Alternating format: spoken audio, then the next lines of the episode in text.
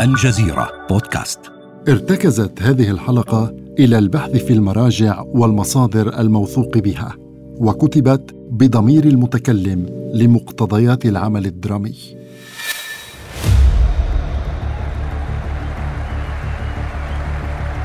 نحن على بعد ست دقائق من صفارة نهاية المباراة والنتيجة ثلاثة أهداف لألمانيا الغربية مقابل هدفين للمجر. هل يفرض المجريون وقتا إضافيا؟ إنه عام 1954 المنتخب المجري يخوض مباراة نهائي كأس العالم في سويسرا. بوشكاش مع الكرة يخترق خطوط الدفاع عبر الجناح الأيسر. يا لها من سيطرة لا تصدق على الكرة.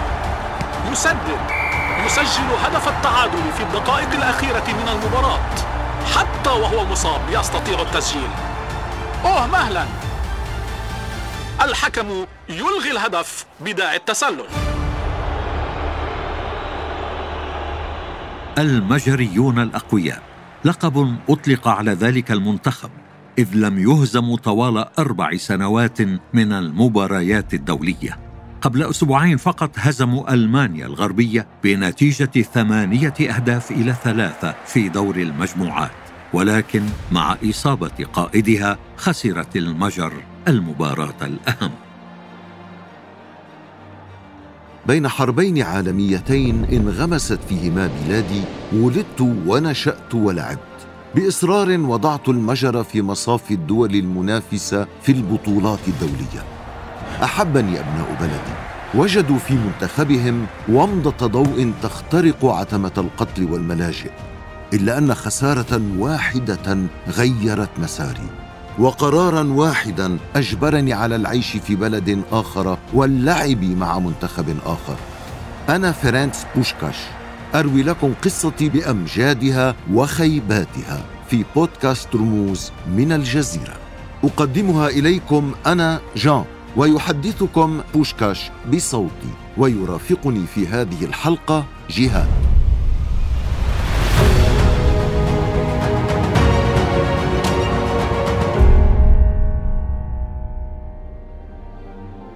في إنجلترا هو الرائد الراكض لسرعته. في إسبانيا هو المدفع المنطلق لتسديداته القوية.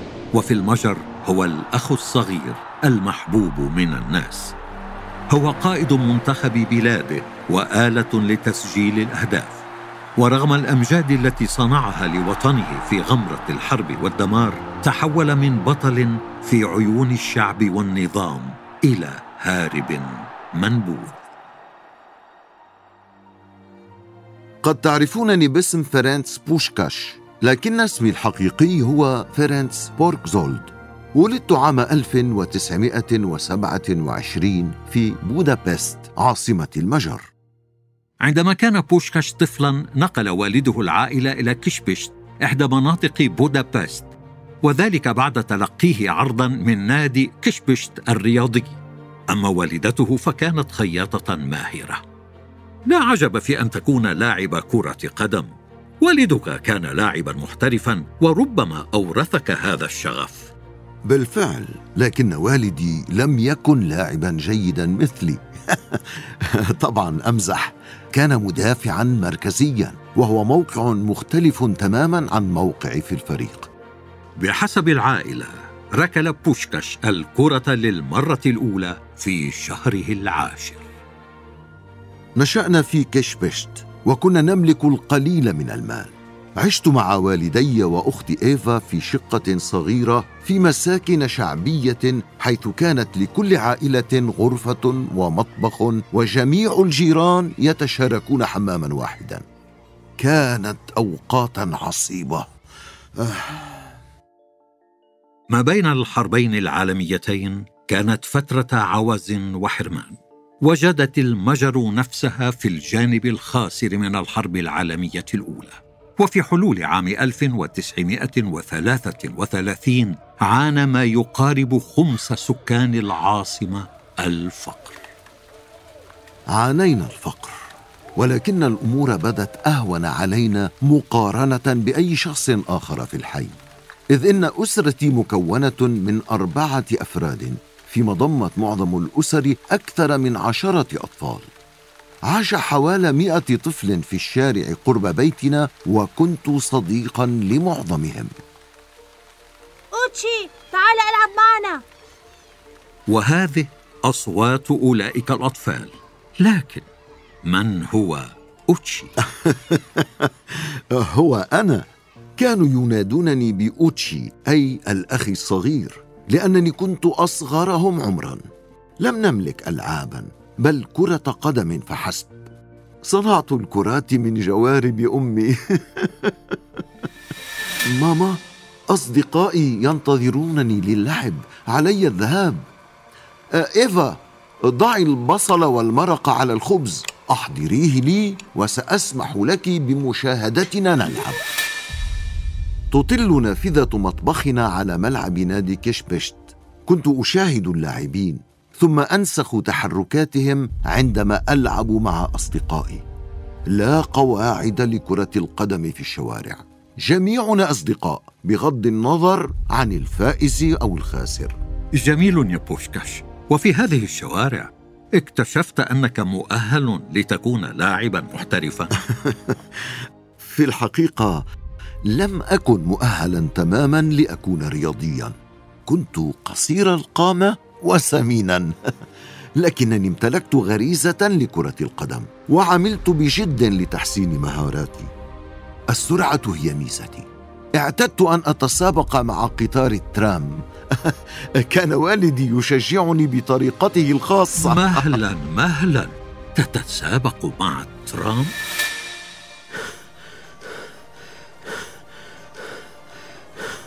من؟ ابني؟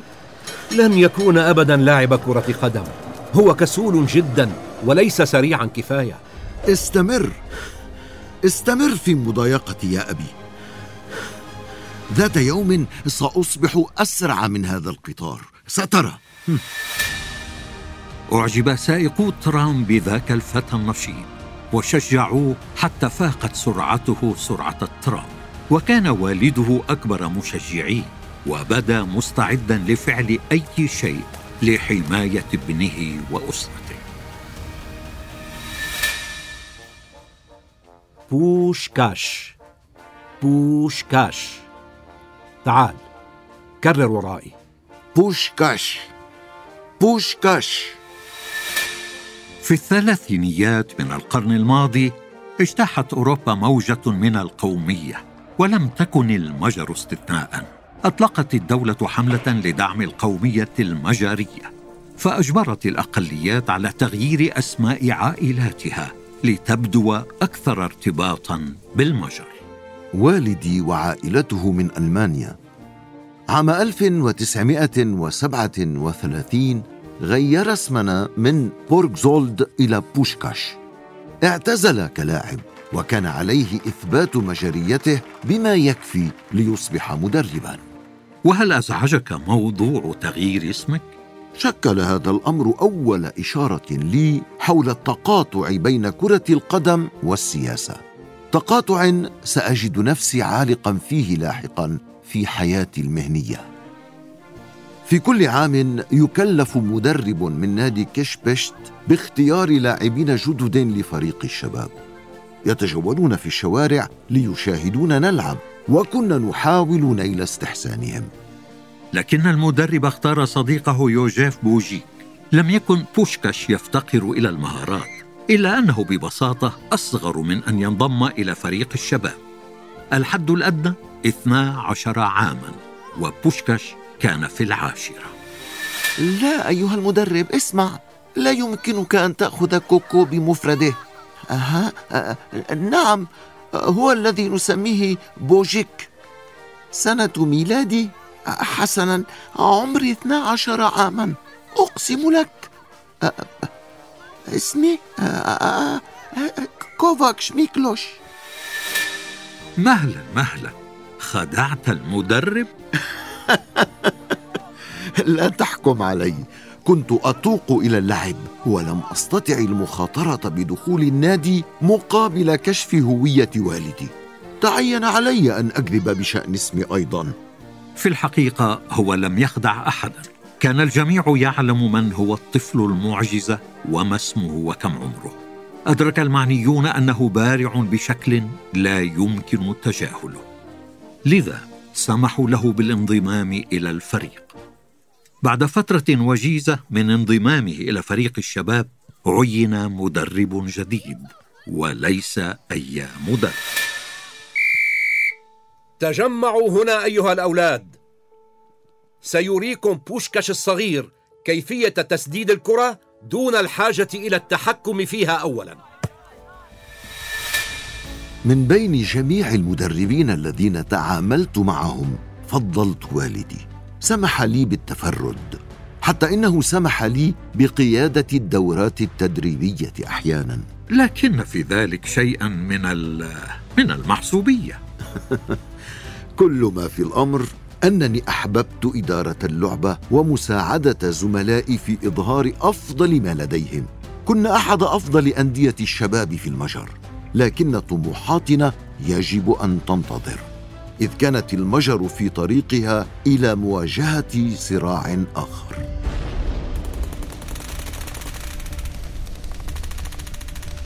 عام 1940 انضمت المجر إلى دول المحور مع توقيع الاتفاق الثلاثي بضغط من ألمانيا.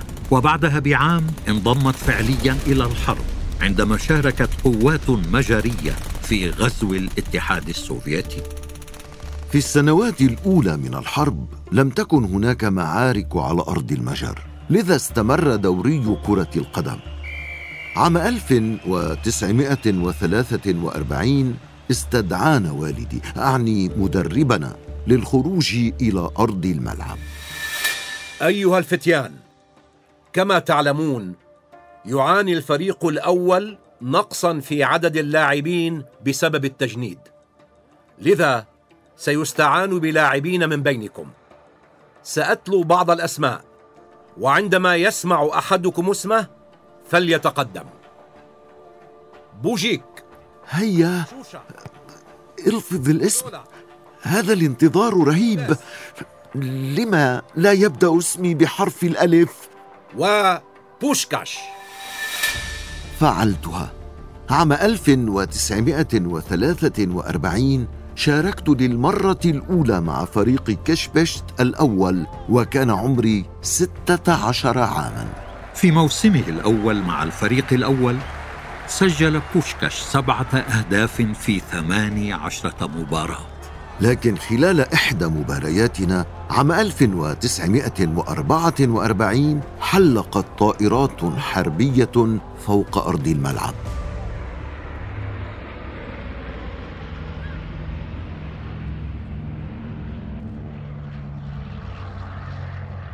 عام 1943 وجدت المجر نفسها في الجانب الخاسر من حرب عالمية أخرى فدخلت مفاوضات سلام مع الحلفاء.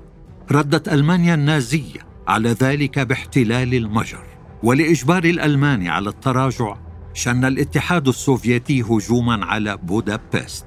بعدها بعام حاصر الجيش الأحمر العاصمة وفرض حصارا استمر خمسين يوما. اختبأنا في أقبية طوال تلك الفترة.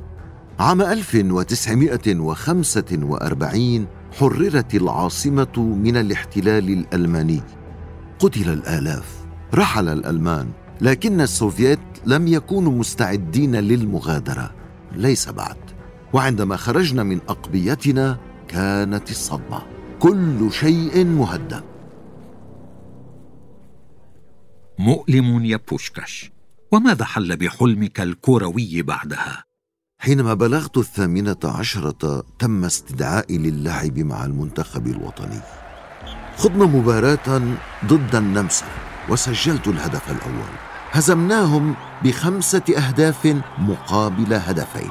كانت الحياة تعود ببطء إلى طبيعتها. أصبح بوشكش قائد فريق كشبشت الأول. ووالده المدرب. واتجهت جميع الأنظار إلى بوشكش داخل المجر وخارجها. عام 1947 خضنا مباراة ودية ضد إيطاليا. خسرنا لكن بعد المباراة تلقيت عرضا سخيا من نادي يوفنتوس. عرض مغر بالنسبة إلى شاب في العشرين من عمره لكن فعليا لا يمكنني الذهاب. غريب أمرك. لما رفضت العرض؟ بعد سيطرة الاتحاد السوفيتي أصبحت المجر مكانا غير آمن للمواطنين من ذوي الأصول الألمانية. بدأ نجمي يصعد بين القوى الشيوعية الجديدة في البلاد. أدركت أن ولائي لهم ضروري. بقيت في موقعي لكن الأمور لم تكن بمعظمها سيئة. نافذة أمل من نوع آخر ستفتح لي. كانت تبلغ من العمر ستة عشر عاما. لاعبة كرة يد في نادي كيشبشت اسمها إرزبيت. لم نتبادل أكثر من كلمة مرحبا ولكن ذات يوم قلت لها أكثر من ذلك عندما التقيتها في النادي. أيها الفتيان أيمكن أن أجد مع أحدكم مشطا لتسريح الشعر؟ أنا لدي واحد. تفضلي.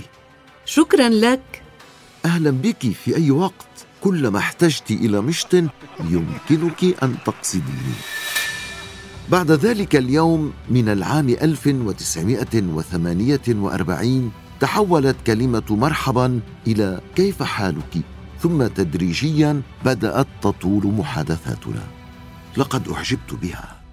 في موسم عام 1948 كان بوشكاش هداف الدوري المجري والبطولات الكبرى في أوروبا. إذ سجل خمسين هدفا في 32 مباراة. ازدهرت الرياضة في ظل النظام الشيوعي وشكلت القوة الناعمة التي استخدمتها الدولة لترويج أفكارها حول العالم. بحلول عام 1949 أصبحت المجر تابعة للاتحاد السوفيتي وخضعت الرياضة للتأمين. اختير نادي كيشبشت لتمثيل الجيش الشعبي وأطلق عليه اسم هون فيد الذي يعني في اللغة المجرية المدافعون عن الوطن. كما منحنا كلاعبين رتبا عسكرية. لم أكن أبالي باسم النادي. كرة القدم هي كرة القدم بغض النظر عن الأسماء. بحلول عام 1950 شغل بالي التزام من نوع آخر.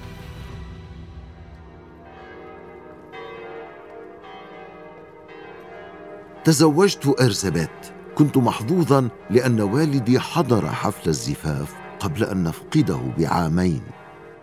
من الصعب تحمل وفاته ففي النهار كان مدربي وخارج الملعب كان معلمي. لكن في ذلك العام عادت الدنيا لتبتسم لي إذ أصبحت ابا بدوري. سأسميها أونيكو أي النعمة. هي طفلتنا الوحيدة. تمنيت لو استطعت البقاء فترة أطول بعد ولادتها. لكن علي السفر إلى هلسنكي في فنلندا التي استضافت الألعاب الأولمبية الصيفية بعد تعيين قائدا للمنتخب الوطني المجري كيف كانت مشاركتكم؟ لحسن الحظ كان فريقنا قويا. علمنا مدربنا جميعا الدفاع والهجوم والتسجيل وأن نكون مرنين في اللعب. حصلت المجر على الميدالية الذهبية في أولمبياد عام 1952 ومذ ذاك الحين عرفهم العالم باسم الفريق الذهبي. وعام 1953 سنحت للاعبي المجر فرصة اللعب ضد إنجلترا في ويمبلي. كانت فرصة ثمينة أن نلعب بدعوة من أقدم اتحاد كرة قدم في العالم. اسمعوا يا رفاق لدى الإنجليز لاعب أقصر مني. أعتقد أننا سنكون بخير. على الأرجح كان هذا هدفي المفضل في مسيرتي ركل الكرة إلى الخلف. لم يكن ذلك مخططا له.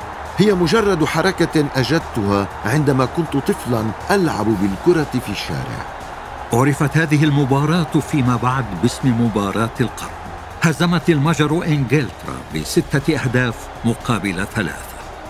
نظر بعضهم إلى المباراة على أنها مواجهة بين المعسكرين الشيوعي والرأسمالي. هزمناهم أيضا بسبعة أهداف مقابل هدف واحد. عندما جاءوا إلى المجر بعد ستة أشهر. وهل كرت صبحة الانتصارات بعد مباراة القرن؟ عام 1954 وصل منتخبنا إلى سويسرا وكان الأوفر حظا للفوز بكأس العالم. فنحن لم نخسر مباراة دولية واحدة منذ أربع سنوات. في أول مباراة لنا في دور المجموعات تغلبنا على كوريا الجنوبية بتسعة أهداف. بعدها واجهنا ألمانيا الغربية. بعد عشر دقائق من بداية الشوط الثاني كانت النتيجة خمسة أهداف مقابل هدف واحد لصالحنا. بتنا نسجل الأهداف من أجل المتعة إلى أن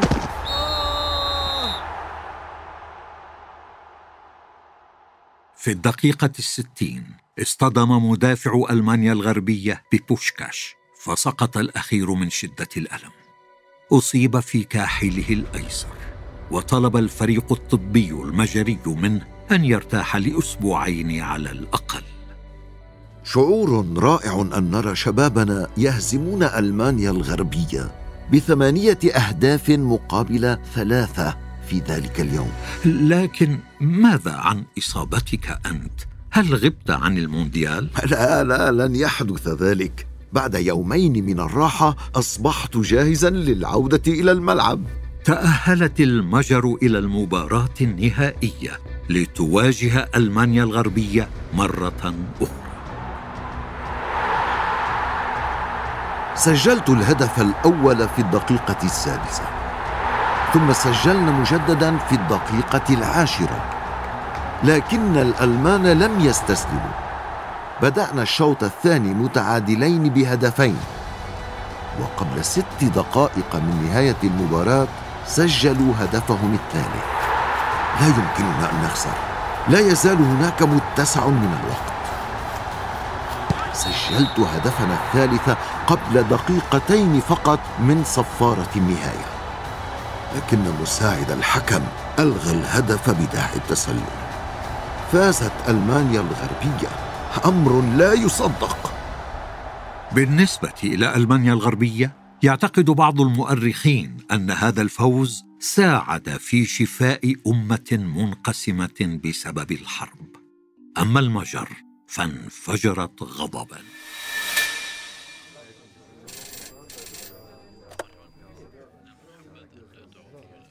ماذا تقصد بأننا لا نستطيع العودة إلى بودابست؟ هناك احتجاجات؟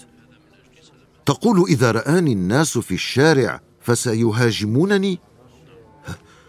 بسبب خسارة المباراة؟ أشعلت خسارة نهائي كأس العالم فتيل أعمال شغب في العاصمة المجرية فنصح اللاعبون بالبقاء حيث هم. وانتظار التعليمات من الدولة. يومها اتهمنا ببيع المباراة للألمان مقابل سيارات مرسيدس. ما هذا الهراء؟ في وقت لاحق نقلنا من فيينا إلى معسكر تدريبي على بعد ساعة فقط من بودابست. كان في انتظارنا هناك وزير الدفاع وبعض المسؤولين. حسنا أيها اللاعبون. سنحميكم حتما من أي هجمات لكننا ننصح بأن لا تظهروا في العلن خلال الفترة المقبلة إلا عند الضرورة القصوى إرزي أيمكنك أن تحضري لي الخبز المقلي المغطى بالبيض؟ عزيزي يجب التقليل من الطعام والشراب كيف ستتدرب إذا بقيت على هذه الحال؟ لا يمكنني الخروج لا يمكنني اللعب من دون أن أتعرض للهجوم. أهذا إعلان استسلام؟ ليس فعلا. بعدما تلاشت صدمة خسارة كأس العالم حققنا سلسلة انتصارات استمرت عامين. أظهر الجمهور تسامحا تجاهنا لكن الدولة كانت تراقبنا عن كثب. حملت هذه الخطوة إشارة لتغيير ما في الأجواء. نحن معكم في نقل مباشر من بودابست حيث تسود الفوضى شوارع العاصمة. عام 1956 خرج طلاب جامعيون في تظاهرة تنادي بالحد من تدخل الاتحاد السوفيتي في السياسة والاقتصاد المجريين. فتحت الشرطة النار عليهم فتحولت التظاهرة إلى انتفاضة مسلحة. لكن لعبة كرة القدم استمرت وما تأثرت. أرسل الاتحاد الأوروبي لكرة القدم رسالة إلى نادي هونفيد يهدده فيها بمنعه من اللعب في البطولات الأوروبية في حال لم يخض مباراته المقررة ضد نادي بيلباو الإسباني. لم يكن أمامنا سوى خيار السفر إلى إسبانيا واللعب من دون أي فكرة عما سيحدث لدى عودتنا إلى الوطن. في شتاء عام 1956 هاجم الجيش السوفيتي العاصمة المجرية وأخمد الانتفاضة. بحسب بعض المصادر قتل نحو 2500 مجري وفر نحو 200 ألف خارج البلاد. أما بوشكاش فكان على وشك التحول من بطل قومي إلى آرب اصبري يا صغيرتي. اقتربنا. ألا تريدين رؤية أبيك؟ نحن ذاهبتان إليه. عبرت زوجتي وابنتي الحدود نحو النمسا سيرا والتقينا أخيرا في فيينا. بقي فريقنا هناك حتى ينجلي الوضع في بودابست. خلال هذه الفترة خضنا مباريات ودية لكسب المال وللحفاظ على لياقتنا أيضا. وذات يوم تلقينا عرضا لإجراء جولة في البرازيل مقابل عشرة آلاف دولار لكل مباراة. انقسمت آراء الفريق بين معارض للذهاب كوننا عسكريين وسنعد فارين. وبين مؤيد للذهاب بلا سؤال. وماذا حصل؟ هل تجرأتم على الذهاب؟ أصر الاتحاد المجري لكرة القدم على عودتنا إلى البلاد لنستريح ونتلقى التدريب. وعندها فقط سيسمح لنا بالتوجه إلى البرازيل. قرر صديق طفولتي يوجيف بوجيك وعدد قليل من لاعبي النادي العودة إلى بودابست. أما أنا فرفضت.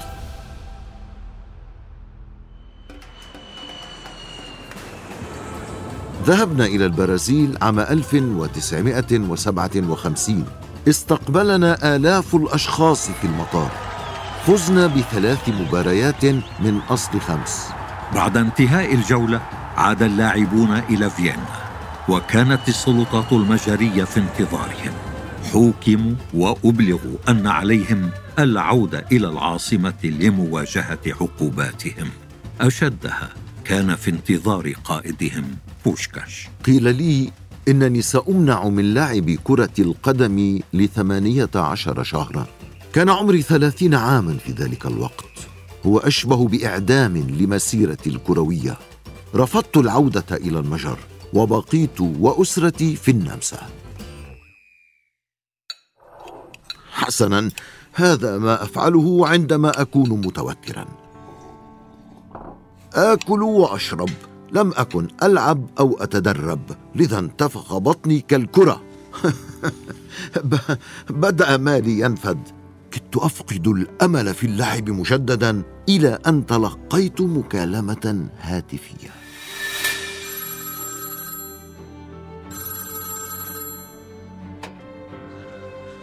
تريدني أن آتي إلى مدريد؟ أجل يمكنني أن ألتقيه. لكنني أشك في أنه سيرغب في المضي قدما عندما يرى شكلي الحالي. كنت سعيدا بالحصول على فرصة لقاء رئيس نادي ريال مدريد لكن يتعين علي أن أكون واقعيا زاد وزني ثمانية عشر كيلوغراما. كان اجتماعا مثيرا للاهتمام. لم أفهم كل ما قاله. تحدث بالإسبانية وأنا أجبته بالمجرية. أشرت إلى بطني بارتباك فقال لي أميغو بوشكاش هذه مشكلتك وليست مشكلتي. عرض علي مئة ألف دولار مقابل عقد لأربع سنوات وخمسة آلاف دولار سلفاً.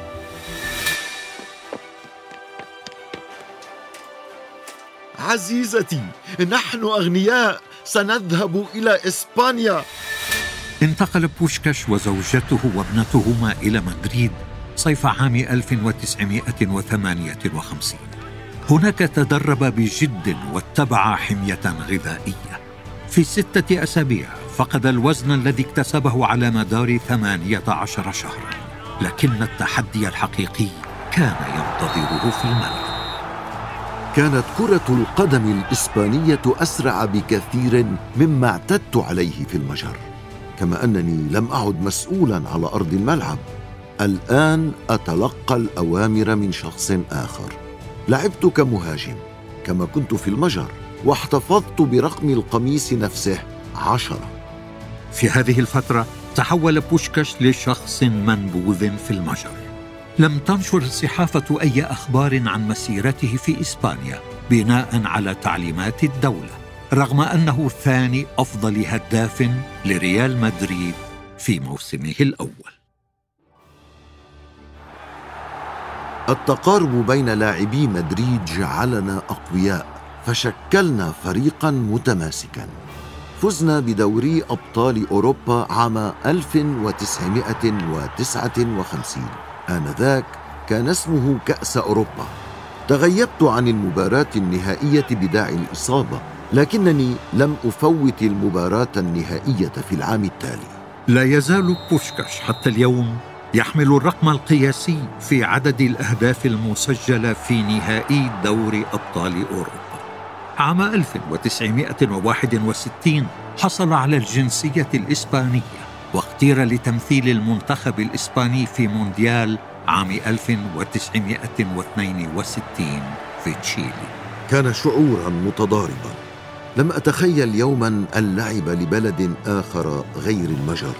اعتقدت أن مشاركتي في كأس العالم عام 1954 ستكون الوحيدة لي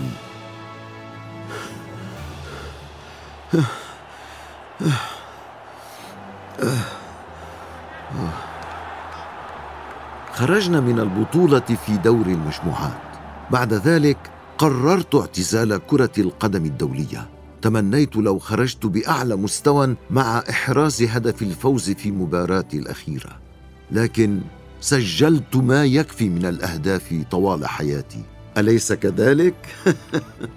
مع تسجيل 84 هدفا في 85 مباراة دولية للمنتخب المجري. و514 هدفا في 529 مباراة خاضها في المجر وإسبانيا. صنف بوشكاش من بين أفضل خمسة هدافين في جميع العصور.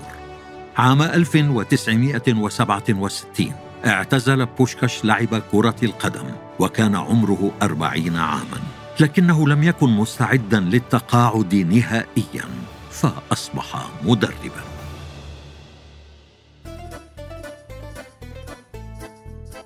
عام 1970 ذهبت إلى اليونان لأدرب نادي باناثينايكوس كان تدريب بوشكاش غير تقليدي فعندما كان يعجز عن شرح استراتيجيته للاعبين كان يريهم ما عليهم فعله آمن دوما بأن الفريق المتناغم هو مفتاح النجاح. عام 1976 وبعد الابتعاد عن المجر عشرين عاما وصلني الخبر المؤلم. توفيت والدتي. ثم بلغني خبر تعرض صديقي يوجف بوجيك لنوبة قلبية. ماذا أفعل الآن؟ لا يمكنني العودة إلى بودابست حتى لو سمحوا لي. أقسمت بأنني لن أعود بعد الطريقة التي عاملوني بها. لكن ماذا لو لم ينجو يوجف؟ كيف سأسامح نفسي؟ توفي بوجيك عام 1978 وما غفرت لنفسي غيابي عن جنازته. ألم تعد بعدها إلى ديارك أبدا يا بوشكاش؟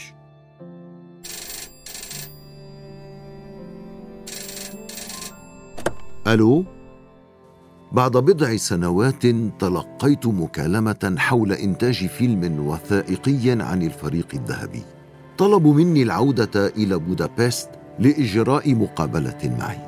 أكد لي الاتحاد المجري أنه حصل على مباركة الدولة لقدومي وأن احدا لن يتعرض لي لكنني لم أشعر بالارتياح حيال ذلك.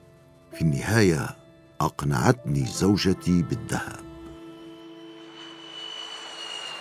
فعلتها وذهب. نعم ولم أتخيل حجم الاستقبال. لم أصدق أنني عشت لأرى هذا اليوم. هذا المشهد يساوي العالم كله. أن تحتفي بي بلادي بهذا الشكل. عام 1989 أعلنت المجر نهاية الحكم الشيوعي. بعدها بسنوات قليلة عاد بوشكاش وعائلته إلى بودابست كان في الستينيات من عمره وكانت فرصة جديدة بانتظاره. طلب مني تدريب المنتخب المجري بصورة مؤقتة. بعدها عرضوا علي مناصب مختلفة في الاتحاد المجري لكرة القدم لكنني تجنبت التورط بسياسات المناصب لذلك أصبحت مستشارا لمنتخبنا. خلال تسعينيات القرن الماضي نال بوشكاش الكثير من التقدير. فعام 95 حصل على جائزة أفضل هداف في القرن العشرين. وعام 99 صوت له محبوه ليفوز بلقب أحد أفضل لاعبي القرن العشرين. لكن حياته الشخصية لم تكن في أفضل أحوالها. الأمور تختلط في ذهني. لم أعر الأمر أهمية في البداية إلى أن بدأت ذاكرتي تسوء. عام 2000 وفي عمر 73 عاما شخص بوشكاش بمرض الألزهايمر واحتاج إلى متابعة طبية على مدار الساعة وبعد سنوات أصيب بالتهاب رئوي. في نوفمبر تشرين الثاني عام 2006 توفي بوشكاش عن 79 عاما. وأعلنت بلاده يوم جنازته يوم حداد وطني. قبل دفنه وضع نعشه وسط ملعب كرة القدم الذي يحمل اسمه في بودابست وتوافد الناس لوداع بطلهم. عام 2009 أعلن الفيفا عن جائزة بوشكاش تمنح للاعب صاحب أجمل هدف كل عام. أرجو أنني نقلت عدوى كرة القدم إلى كل من شاهدني أو سمعني. في الحلقة المقبلة من بودكاست رموز سنتناول سيرة رمز آخر رحل وترك أثره في حياتنا. لا تفوتوا حلقتنا التالية ويمكنكم الاستماع إلينا عبر Google Podcasts أو Apple Podcasts أو SoundCloud. فقط ابحثوا عن الجزيرة بودكاست. كما لا تنسوا مشاركة هذه الحلقة وزيارة موقعنا على الإنترنت podcast.aljazeera.net كان معكم جهاد وجان. من بودكاست رموز من الجزيرة. إلى, إلى اللقاء, اللقاء.